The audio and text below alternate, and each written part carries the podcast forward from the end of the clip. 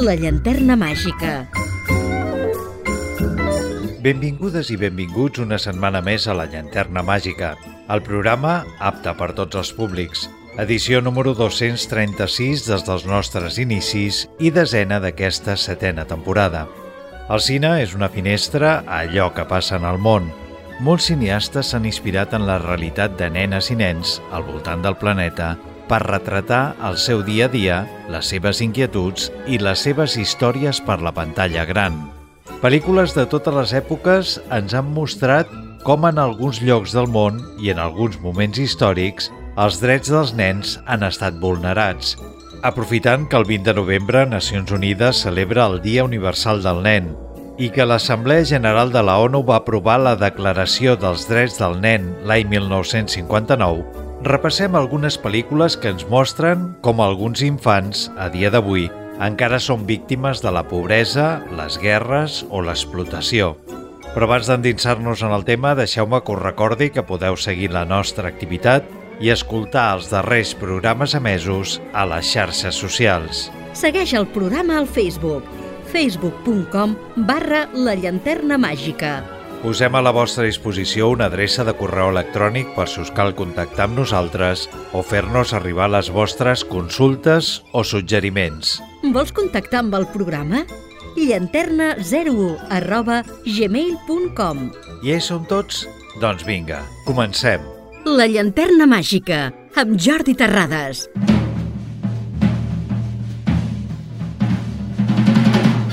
La Declaració sobre els Drets dels Nens va ser aprovada l'any 1959 per part de les Nacions Unides per iniciativa d'UNICEF i el Fons de les Nacions Unides per la Infància. Malgrat això, a partir de 1975, a l'esforç es va centrar en la creació d'una nova declaració que finalment es va signar l'any 1989 a la seu de la ONU i que va anomenar-se Convenció sobre els Drets dels Nens. El postulat central d'aquesta convenció va ser el següent. El nen i la nena són reconeguts com a éssers humans que han de ser capaços de desenvolupar-se física, mental, social, espiritual i moralment amb llibertat i dignitat. La Convenció recull 10 drets bàsics als que els nens i nenes es poden acollir i que s'han de respectar a tots els llocs del món sense excepció. Però el cert és que 33 anys més tard encara hi ha països on la situació dels nens és molt més que precària. Aquí venim els nens i les nenes, nenes. representant el nostre planeta. planeta. També anar als drets dels infants. infants. Si tu vols ens pots ajudar. Pots ajudar. Sí, clar, tenim drets, sí, clar, tenim drets, sí, clar, tenim drets, sí, clar. Aixeca les mans, mou el cos, mitja volta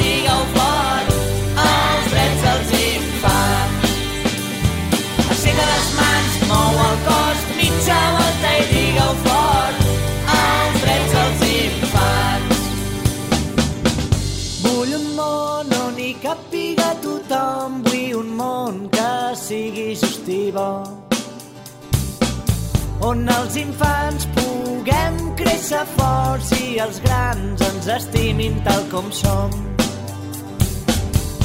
Vull escoles que pensin en mi, que m'eduquin a créixer amb sentit. Vull sentir-me segur i estimat i tinc dret a una família i una llar.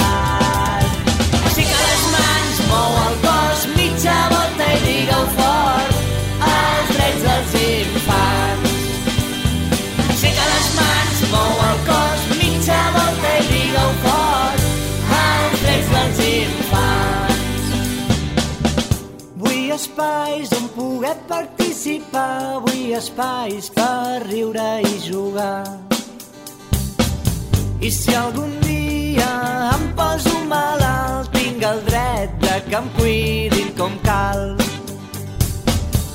Vull sentir-me protegit i valorat i que no em falti mai de menjar. Tot el món, sigueu petits o grans, escolteu això que estem cantant. Aixeca les mans, mou el cos, mitja volta i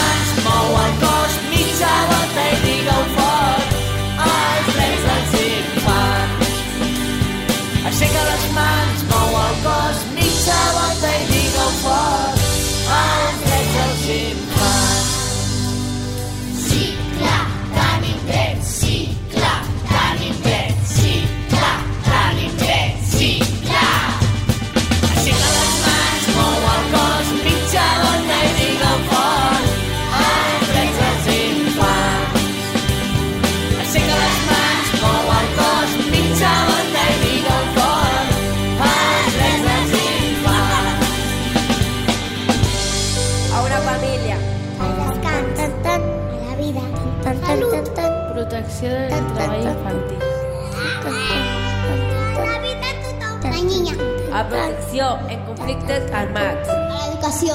A l'esplai. Família.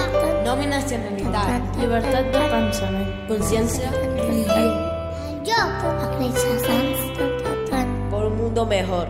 Muchas gracias. Uno para todos, segon llargmetratge de David Ilundain, després de B de Bárcenas, és un drama sobre un professor interí que ha de reintegrar a l'aula a un alumne malalt i cap dels seus companys vol que torni a classe.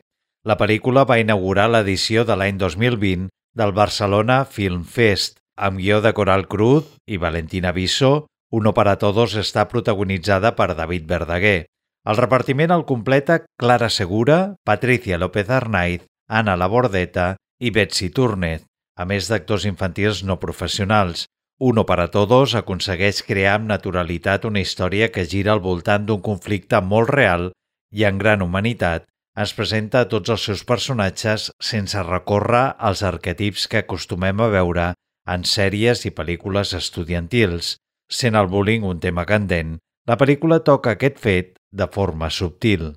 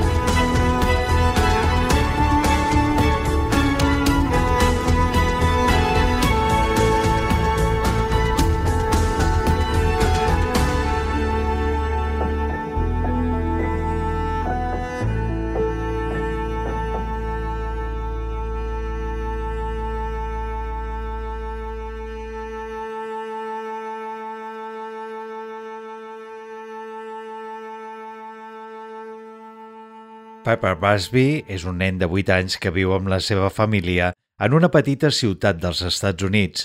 Tothom el coneix com a Little Boy, a causa de la seva baixa estatura. Rebutjat per la resta de nens, l'únic amic del Little Boy és el seu pare James, amb qui cada dia sembla tenir una aventura.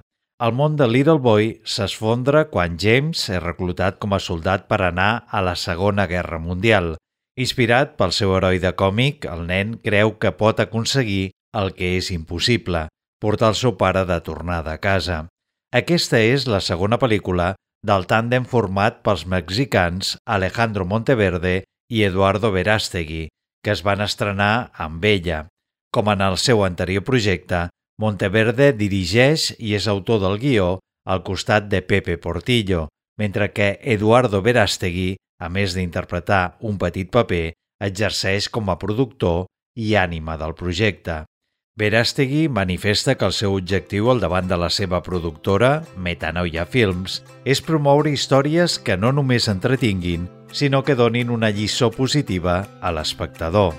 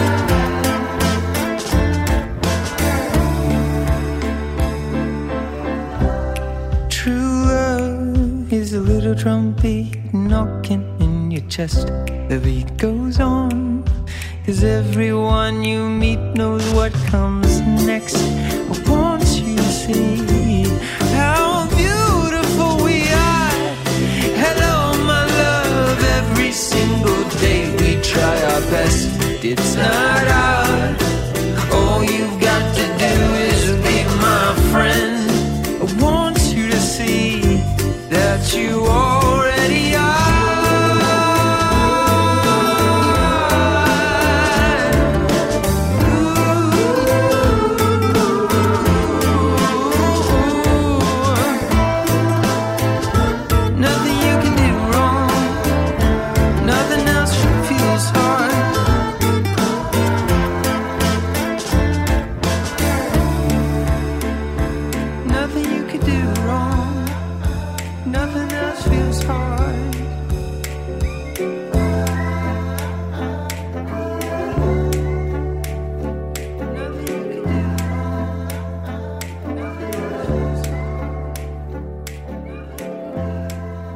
La llanterna màgica, a Ràdio Sabadell. El canadenc Christian Duguay s'ha llaurat com a cineasta una de les carreres més insòlites de la història, ja que resulta impossible establir connexions entre els seus treballs, excepte perquè sempre sol cuidar força la qualitat de les seves produccions. És el que passa amb aquesta revisió del llibre autobiogràfic de Joseph Joffo, que poc després de convertir-se en un fenomen a França, després de la seva publicació i d'incorporar-se als programes escolars, va conèixer una adaptació cinematogràfica l'any 1975 de la mà de Jacques Doyon i 42 anys després torni a les pantalles de la mà de Christian Duguay.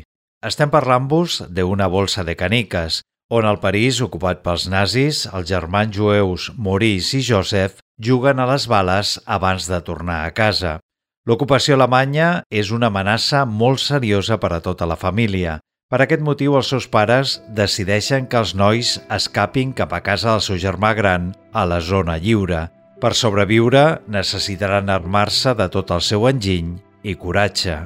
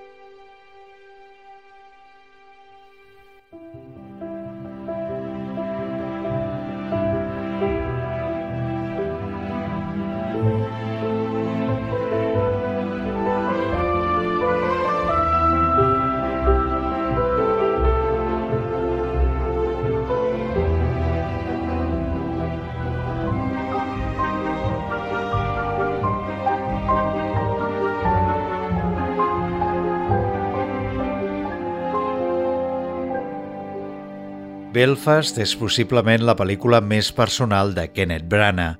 El director s'inspira en la seva pròpia infància per explicar una història entranyable, nostàlgica i evocadora, inspirada en aquest ambient utòpic e idíl·lic on la família que t'acompanya, l'amor de la qual és sincer e incondicional, sacrifica comoditats i capritxos pel teu benestar i educació. Belfast és un drama ambientat en la tumultuosa Irlanda del Nord de finals dels anys 60. La història ens presenta a Buddy, un nen que creix en un ambient de lluita obrera, canvis culturals, odi interreligiós i violència sectària. Buddy somia amb un futur que l'allunyi dels problemes, però mentrestant troba consol en la seva passió pel cine, en la nena que li agrada de classe i en els seus carismàtics pares i avis. Una pel·lícula amb un repartiment excepcional, però sorprèn la naturalitat en què treballa el nen protagonista sobre el qual recau el pes de la narració, Jude Hill, i per descomptat Jamie Dornan i Katrina Balfe, els pares del nen, i els veteraníssims Judy Deng i Kieran Hine, els avis, que estan espectaculars. Sometimes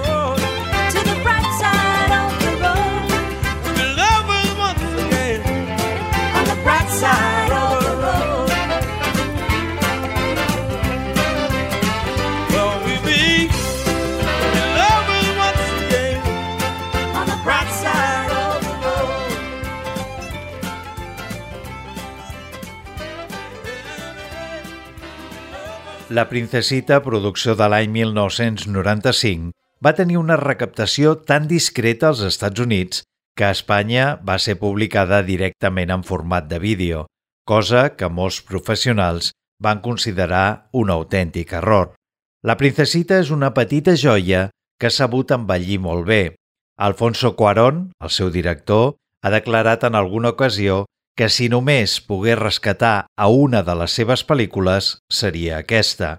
La Princesita és una altra de les cintes que milloren l'obra de Frances Hodgson Burnett, autora victoriana de novel·les protagonitzades per nens i adolescents.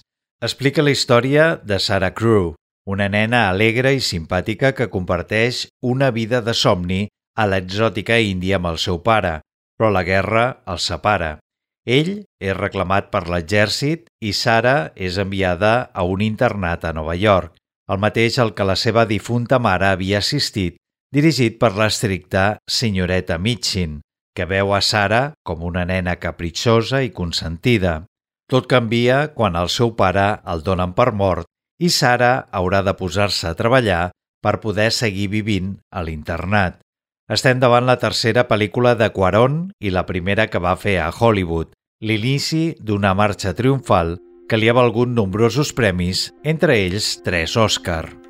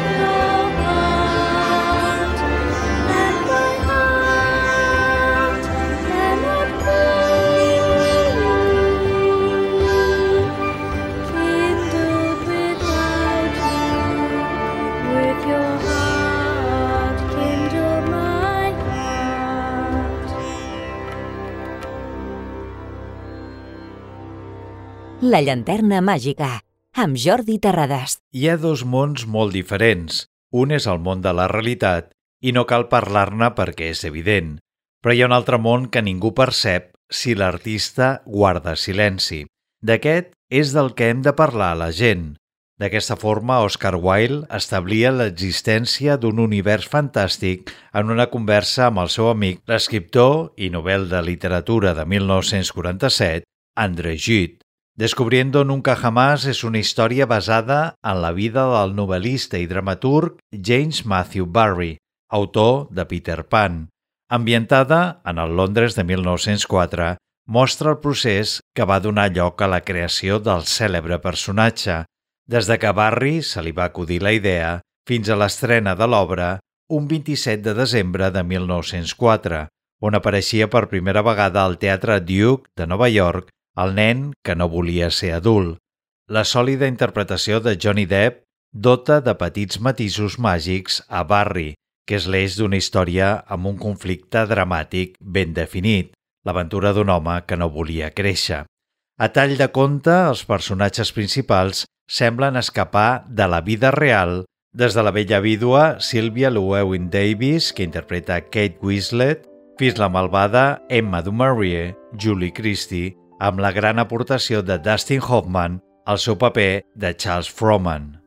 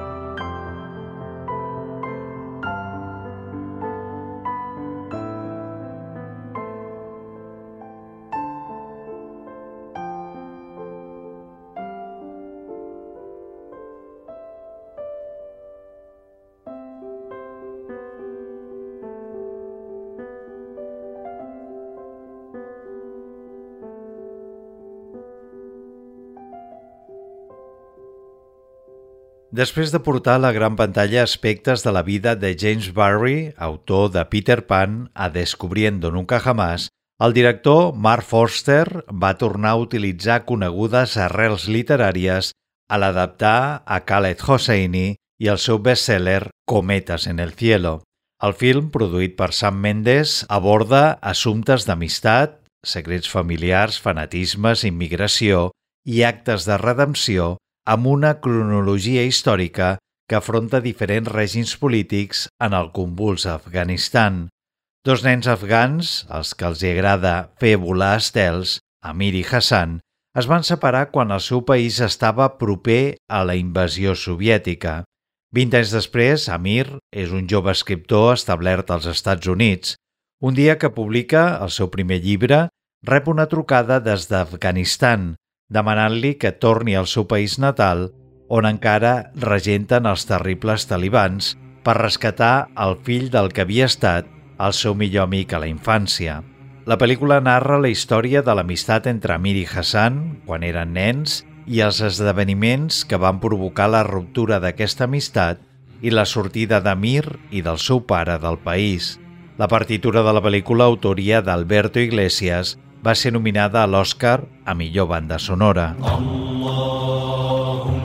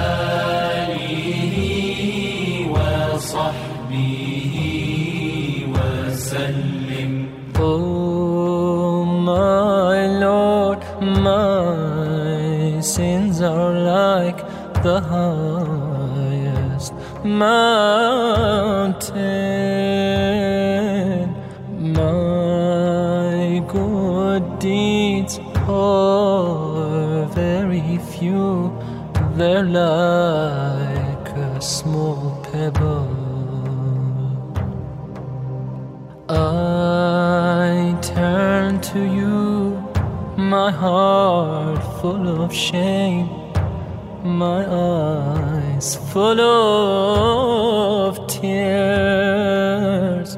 Bestow your forgiveness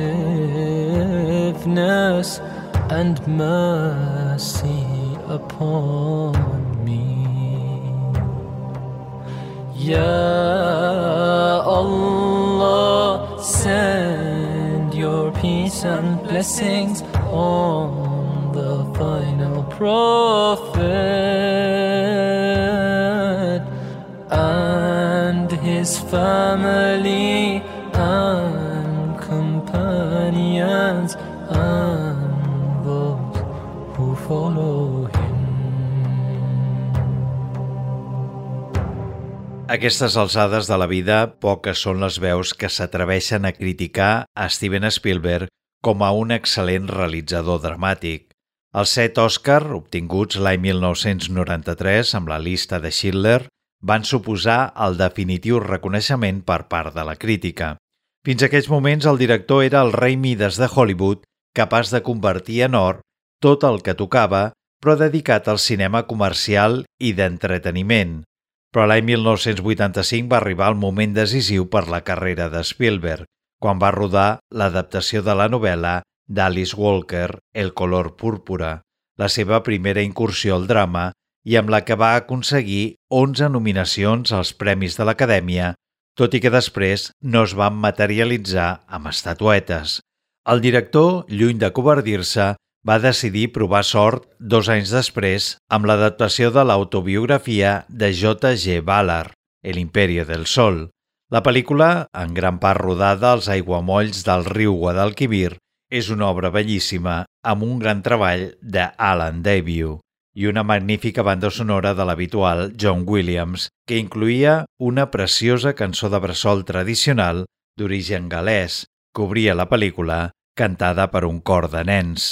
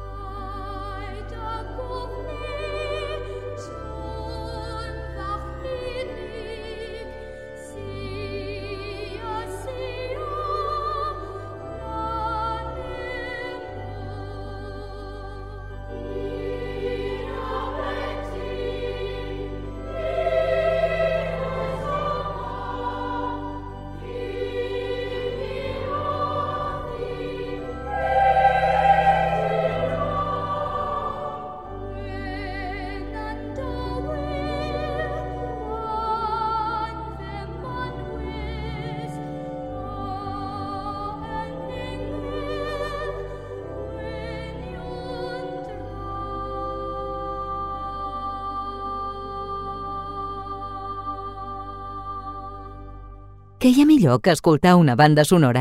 Billy Elliot és un nen d'11 anys que pertany a una família obrera.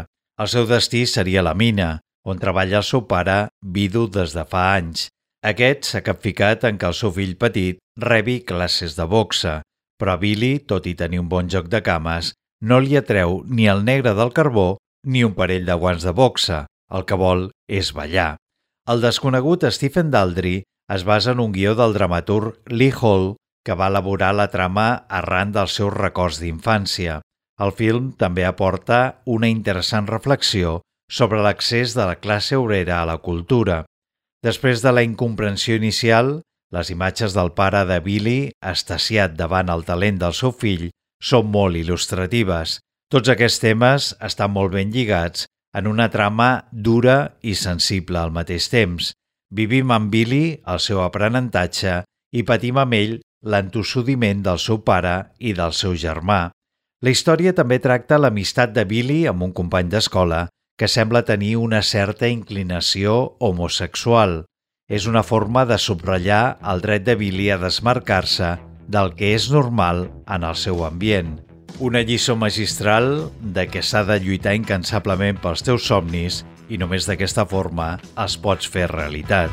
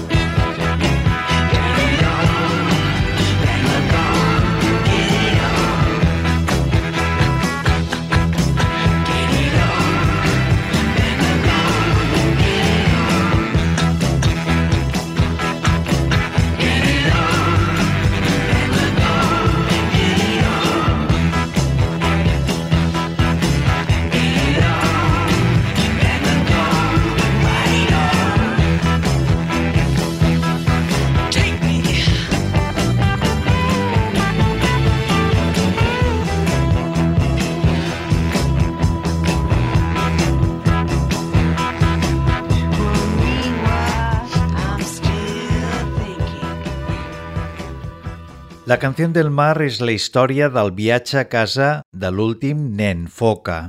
Després de la desaparició de la seva mare, Ben i Sorsa són enviats a viure amb la seva àvia a la ciutat.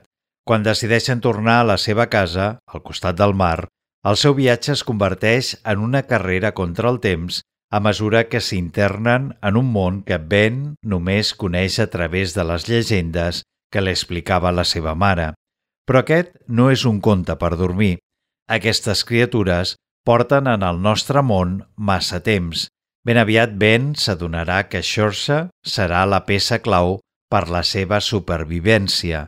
La canció del mar és una pel·lícula animada irlandesa de l'any 2014, dirigida per Tom Moore.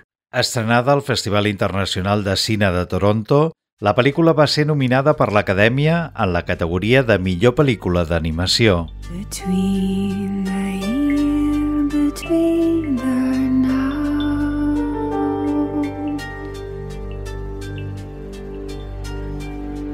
Between the north,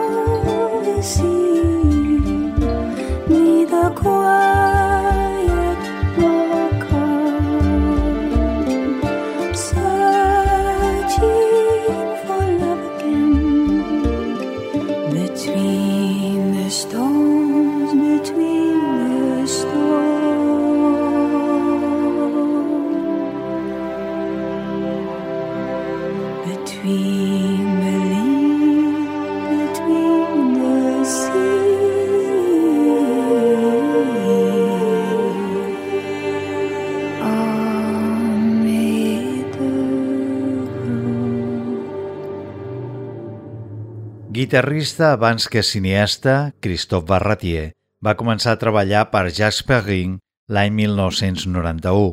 L'any 2002 va dirigir el curt Le Tombal, basat en la novel·la del mateix nom de Guy de Maupassant. Dos anys després, el realitzador va triomfar amb Los Chicos del Coro, el seu primer llargmetratge com a director, que va ser seleccionada per França per a competir per l'Oscar a millor film en llengua no anglesa. El guió adapta la pel·lícula La jaula de los ruiseñores de Jean Dreville, un títol de 1945. Relata la història de Clement Mathieu, un professor de música a l'atur, que l'any 1949 comença a treballar com a vigilant en un internat de reeducació de menors. El sistema repressiu aplicat pel director commociona a Mathieu. Ensenyant-los música i creant una coral polifònica, Mathieu transformarà les seves vides quotidianes. Menció part mereix la sensacional banda sonora de Bruno Coulet, plena de precioses cançons polifòniques molt ben interpretades pels petits cantants de Sant Marc i pel seu solista Jean-Baptiste Mounier. Rebeu una salutació de qui us ha estat acompanyant al llarg d'aquest programa. Jordi Terrades, com sempre us diem, gràcies per la vostra atenció, sense vosaltres no seríem res i us esperem a la propera edició de La Llanterna Màgica. Sentier